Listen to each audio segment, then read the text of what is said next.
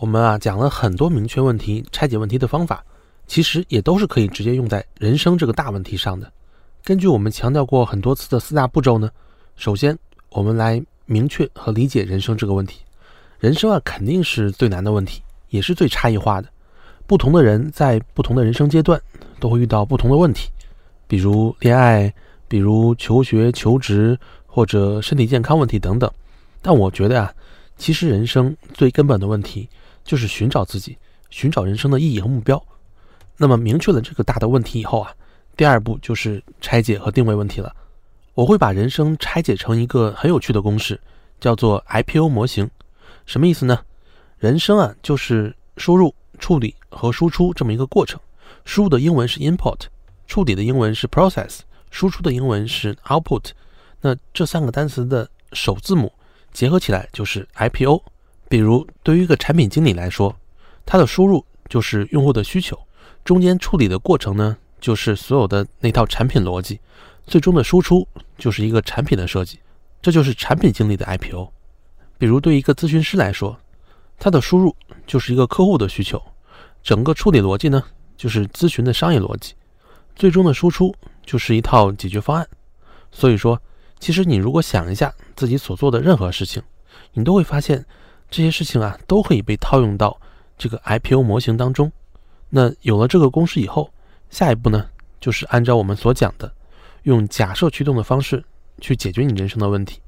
其实你会发现，IPO 模型啊已经把人生拆解的非常之细了，但它还缺一个东西，缺的是什么呢？就是人生最终的一个目标。如果有了这个目标啊，你就可以把你的输出。和目标进行对比，去得到一个正向的反馈，然后呢，不断修正你的输入，修正你的处理，最终得到不同的输出。比如说，你的目标可能是要创业，那你就可以通过不同的输入，比如说像我一样去百度做产品，或者说去做风险投资等等，去积累你自己的资源和能力，比如说产品相关的能力和融资相关的能力，最终得到的结果啊，都是怎么样更好的向着你那个要创业的目标而去。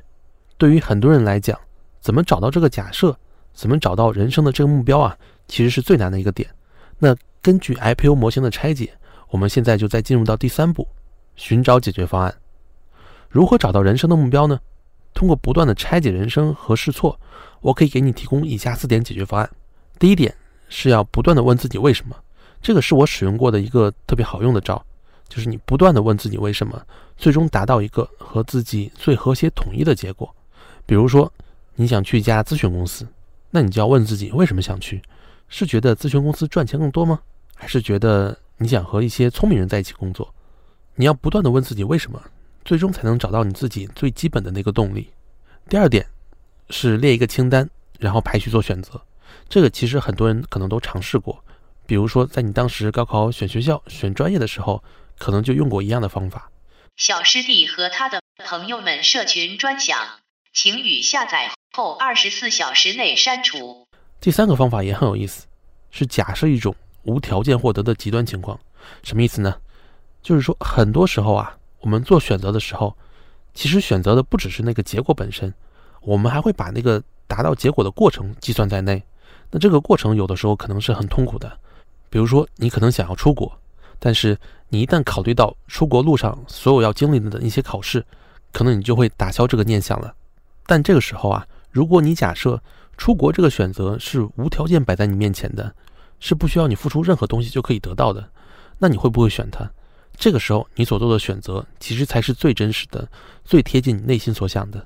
当然，最后一个方法就很俗了，就是不断的了解你的选择，不断的试错。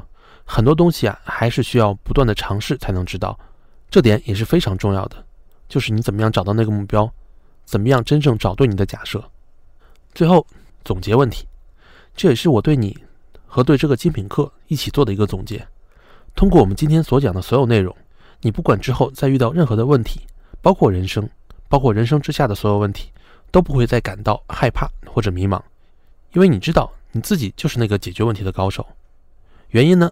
第一，你理解了解决问题的定义，知道靠经验与靠逻辑的不同，也知道了解决问题的重要性和意义。